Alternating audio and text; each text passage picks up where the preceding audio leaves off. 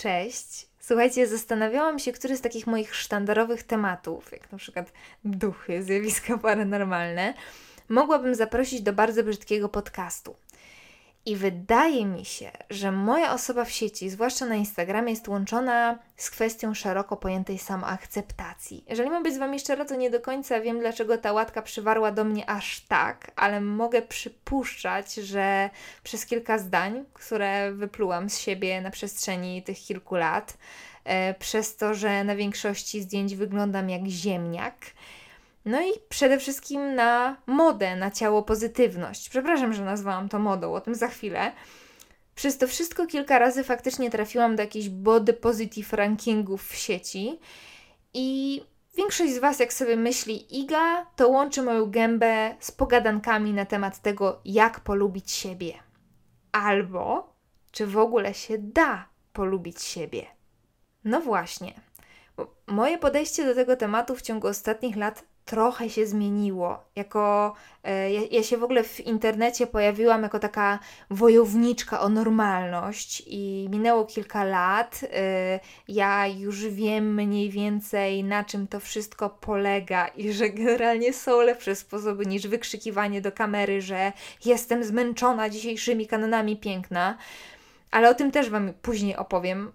W ogóle w ogóle łapię się na tym, że mam dzisiaj Wam tyle do powiedzenia, że nie minęła chyba minuta, a ja już zakolejkowałam sobie dwie myśli. I pogubię się dzisiaj na bank, więc z góry przepraszam za wszelki bełkot. Zacznijmy od początku.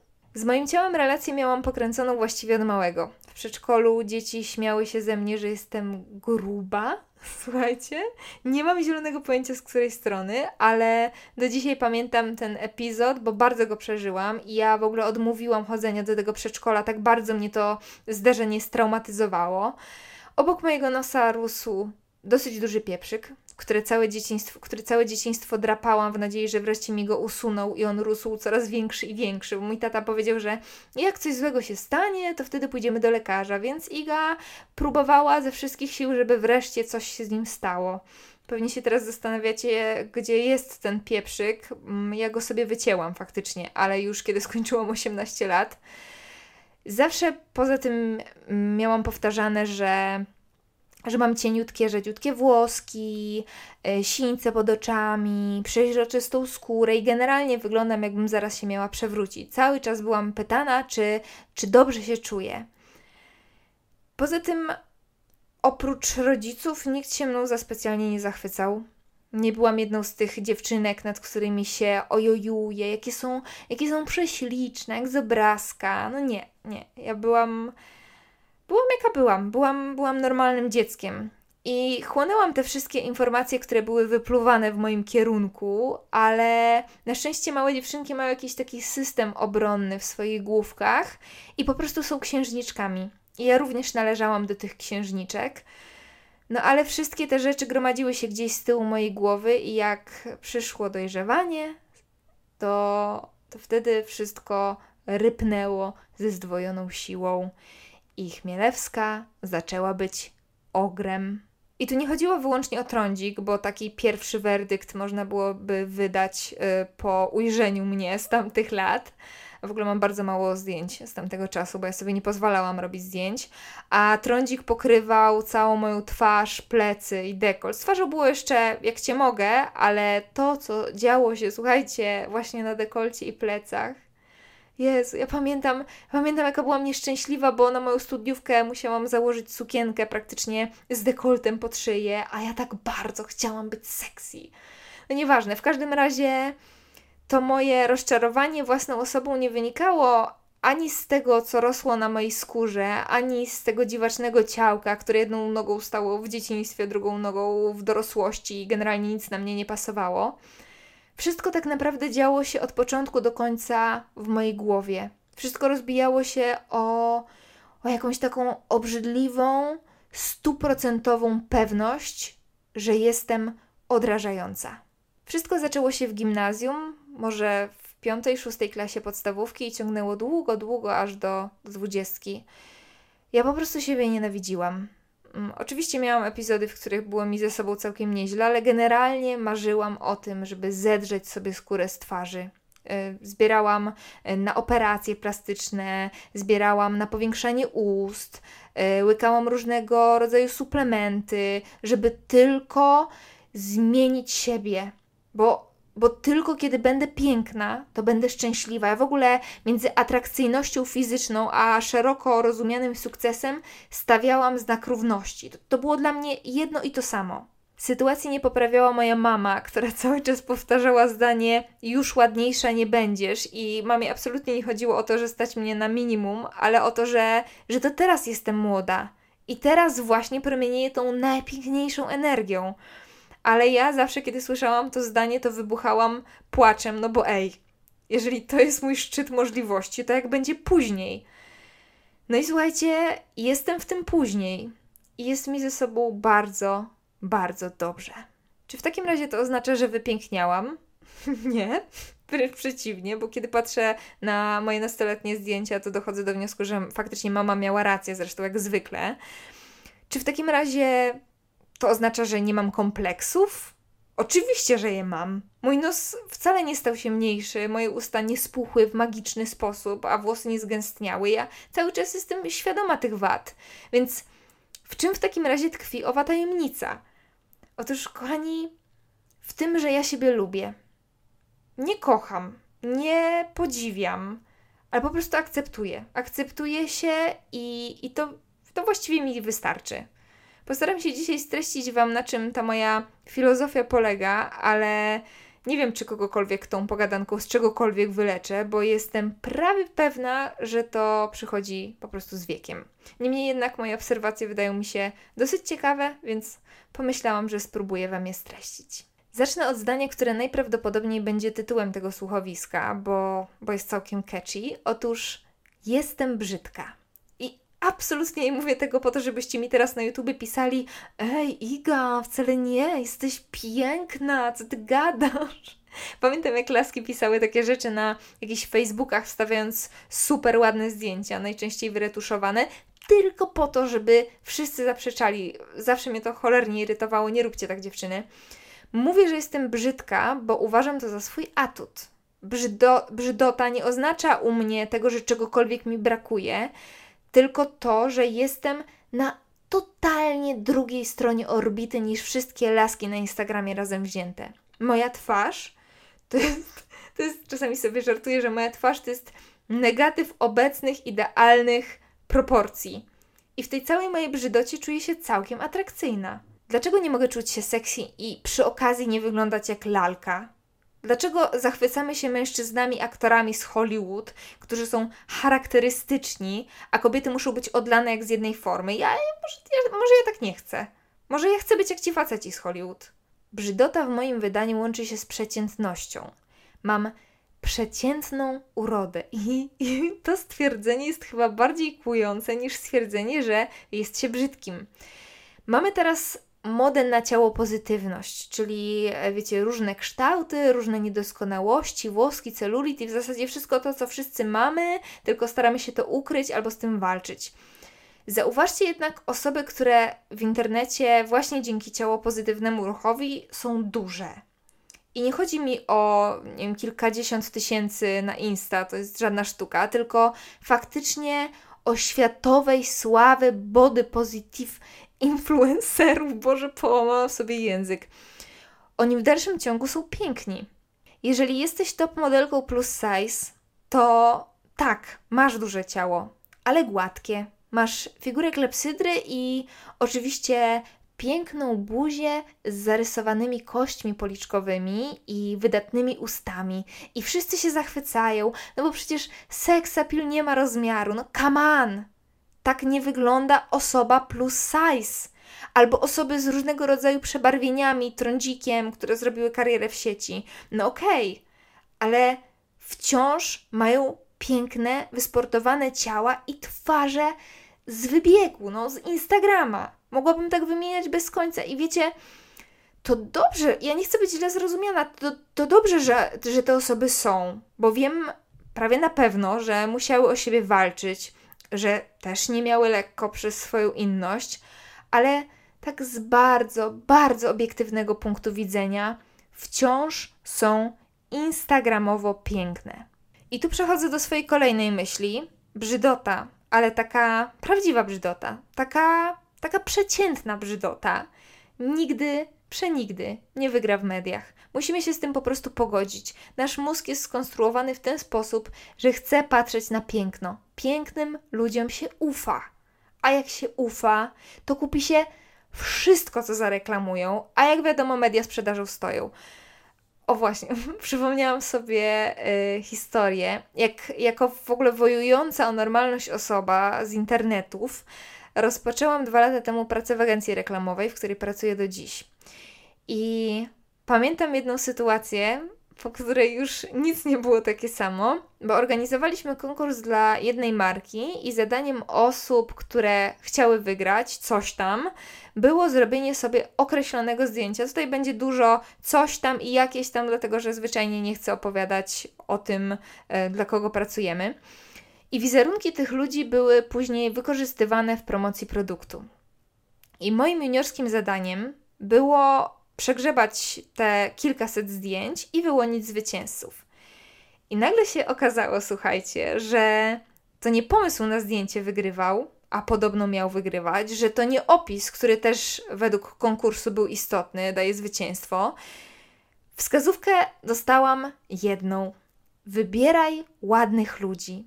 I w tym momencie trochę się z tego śmieję, no bo moja praca polega, jak się okazuje, właśnie na tym, żeby wymyślać ładnych ludzi, żeby wymyślać ładne ujęcia, ładne obrazki, ale wtedy świat mi się zawalił. Miałam takie, taki moment zwątpienia, takie, takie poczucie, że już nigdy z tego kultu piękna się nie wygrzebiemy.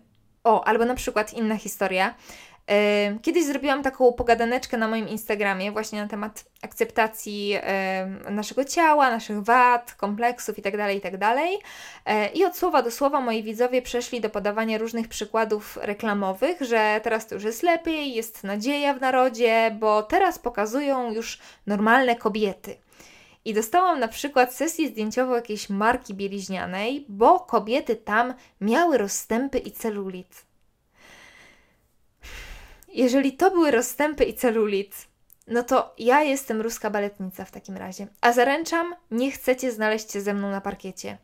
Te panie wciąż, pomimo bardzo drobnych, według mnie, rozstępów i celulitu, wciąż z bardzo obiektywnego punktu widzenia były przepiękne. Wyglądały zdrowo, wyglądały kwitnąco i mega, mega seksownie. Reklamy zresztą reklamami, to jest małe Miki przy tym, co dzieje się na Instagramie. Kurde! Nawet ostatnio nagrałam kilka instastory na ten temat, bo aż się zem, z, z, za łeb złapałam. Jak się wciska tę lubkę tam na dole, to telefon zamienia się w maszynę tortur na naszej samoocenie. Naprawdę. Dla mnie, może jestem stara, może, może się tak da, może ja tego, ja tylko dostrzegam w tym wszystkim jakiś obłęd, ale te ciała, ci ludzie, no przepraszam, ale dla mnie to po prostu nie jest realne. Chyba. Ja nie wiem. Yy, może, może jakiś makijaż? Odpowiedni trening, dieta zmieniająca rysy twarzy, albo w ogóle uwielbiam, uwielbiam te wiadomości, ja dostaję dosyć często. Ty, Iga, jakbyś się trochę wysiliła, to też byś tak mogła. Kaman, kochani. Po pierwsze, mam lepsze rzeczy do robienia, a po drugie, nie, nie mogłabym. Chyba, że nie wiem, w grę y, wszedłby jakiś szereg operacji plastycznych albo konturowanie sobie całego ciała codziennie rano przez dwie godziny. Kanony piękna teraz osiągnęły granice totalnego absurdu. I ja się, ja się z tego śmieję już w tym momencie, chociaż zdarza mi się, i tu się Wam przyznam, powędrować do lustra, żeby odkryć, że nijak nie wyglądam jak te panie, ale zastanawiam się, co muszą przeżywać obecnie młodzi ludzie. Za moich czasów czuję się jak dinozaur. Za każdym razem, jak mówię za moich czasów, to czuję się jak dinozaur, ale chcę po prostu Wam zarysować ten odcinek czasu, kiedy internet nie był jeszcze tak ogólnodostępnym zjawiskiem. Więc za moich czasów nie było, nie było nic. Kropka. Nawet ostatnio pisałam o tym z moją przyjaciółką. Co miałyśmy? Miałyśmy koleżanki w klasie, z którymi mogłyśmy się porównywać i oczywiście robiłyśmy to namiętnie.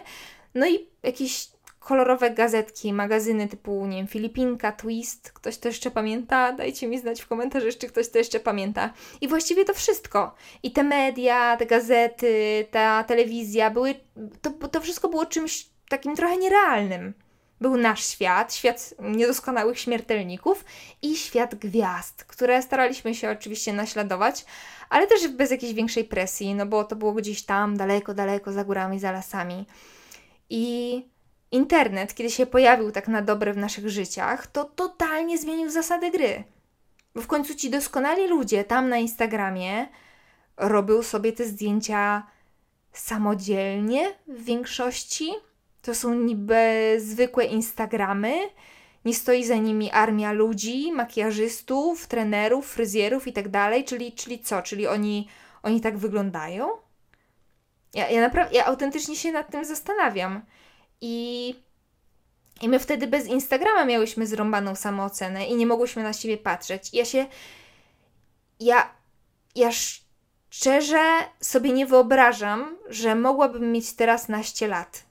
Ja bym, ja bym zgłupiała. Ja bym wpakowała się w coś naprawdę złego, bo z moją konstrukcją psychiczną, z moją nadwrażliwością, z moim perfekcjonizmem i kilkoma innymi demonami, o których może kiedyś Wam opowiem, a może nie, Zwariowałabym na bank.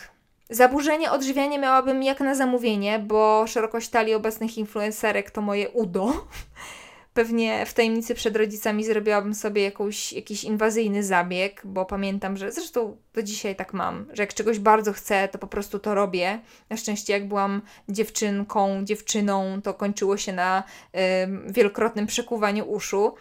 Ale wiem na pewno, że starałabym się odrysować od kalki, żeby być doskonała, bo ja zawsze chciałam być doskonała.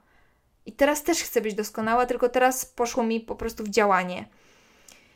Wtedy jednak, kiedy byłam tą nastolatką, to, to wygląd zabierał mi najwięcej e, energii i najwięcej miejsca w głowie. I gadałam też z Klementyną, czyli moją przyjaciółką, że młodzi ludzie dzisiaj wyglądają przepięknie.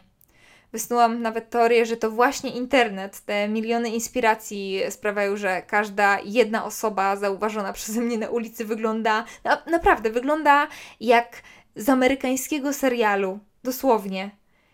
I wiem też, że osoby, mm, właśnie nastoletnie osoby, które ja mijam na ulicy i się nimi zachwycam, wcale nie są w tym pięknym opakowaniu najszczęśliwsze.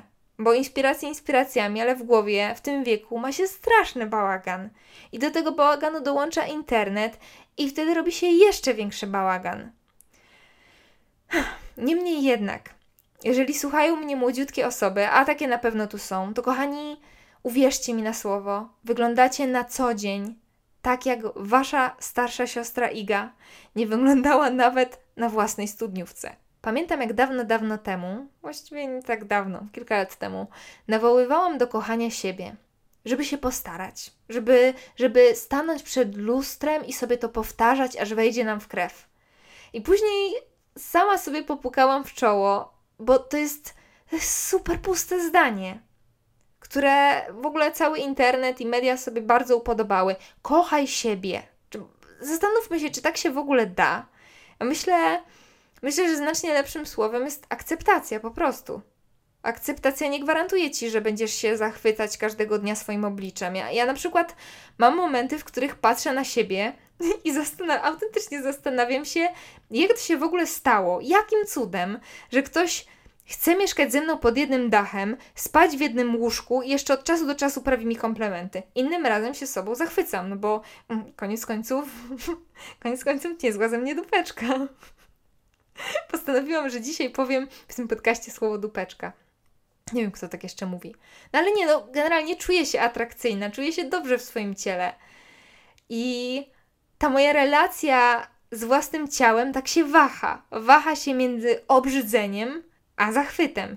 I zapytacie teraz, ale jak to obrzydzenie? Przecież mówiłaś y, tyle razy, że y, twoja relacja z własnym ciałem jest spoko. No tak, no jest spoko. Bo w tych gorszych momentach, które też posiadam, w przeciwieństwie na przykład do wieku nastoletniego, nie wpadam w czarną rozpacz, tylko przygładzam tłusty włos, zaklepuję pryszcza korektorem, po czym wkładam bidokle na mój wielki nohal i biegnę do boju. bo nie mam czasu, bo mam znacznie ważniejsze sprawy niż analizowanie każdego punkciku na mojej mordce. No właśnie, właśnie, analiza. Porównywanie i analiza to są chyba dwaj najwięksi wrogowie samoakceptacji. O porównywaniu już gdzieś tam wspominałam między wierszami, kiedy opowiadałam o tym, e, jakimi więźniami internetu się staliśmy. No bo tak jest, łapiesz za telefon, znajdujesz osobę jak z obrazka, po czym stajesz przed lustrem i widzisz potwora. Wiecie, że, wiecie, że to jest taki trik w naszej głowie, prawda? Po prostu jak na coś wystarczająco długo patrzymy, to się przyzwyczajamy do tych proporcji, ale te proporcje z Insta nie są prawdziwe. Wiecie o tym, ok? No. Ehm, a co z analizą? No bo to właśnie analiza grzebała moją pewność siebie, kiedy ja byłam nastolatką.